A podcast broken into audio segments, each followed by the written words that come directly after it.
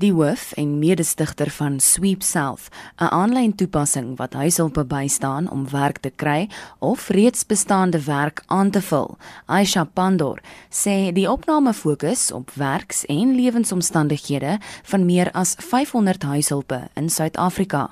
Die opname wys dat die werkers tussen 3 en 4000 rand 'n maand verdien, effens meer as wat vorige nasionale opnames gewys het. Maar as die basiese koste van lewe teen die regering se voorgestelde minimumloon gemeet word, sê Pandor, is dit onvolhoubaar.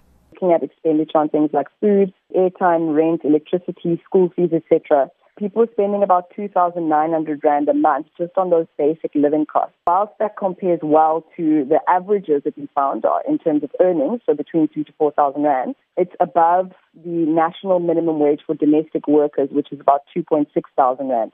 So that suggests that if you're using the domestic workers minimum wage as a benchmark, people aren't going to be able to cover their living expenses with their salaries. 51% van huishulpe is tussen die ouderdomme van 18 en 34. In line with the, the profile of domestic workers in South Africa and most other countries, we had basically 100% female. And then in terms of schooling, we had 63% of people who finished matric and 29% who didn't finish matric. And I think that 63% is interesting because that's indicating that even if people do finish schooling, they still aren't able to get semi-skilled work.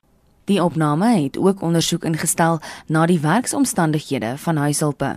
13% said that they had faced some sort of physical or verbal abuse, which is, of course, worrying. Domestic workers working in homes are often the first people who, who have to sacrifice their jobs when a household is under financial strain. So I think that was also something that was, you know, on the more worrying side. Baie van die vroue sorg vir tot 3 familielede en is die enigste bron van inkomste vir hulle huishouding.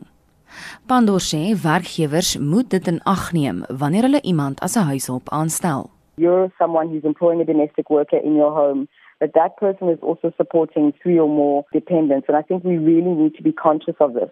So we recommend that minimum wage for domestic workers be raised, especially in urban areas where people uh, typically can afford to pay more, and certainly if they're not able to employ someone full time, to employ someone part time and then pay more on a per day basis. Die opname het egter ook sekere positiewe tendense opgetel.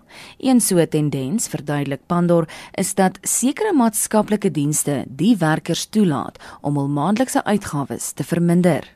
2% of people had medical aid. We had a high percentage of people reporting or higher than we expected that they live in a brick house as opposed to a shack. For us, that was an indicator that it's not just about earnings and about wages, but there are also things like public health care, like RDP housing, which seem to be supporting people in terms of reducing their expenses per month. 52% of people said that they had funeral plans, so suggesting that people are still being able to put away a bit of money into something like a funeral plan. And then 22% saying that they either put money away for savings or for pension.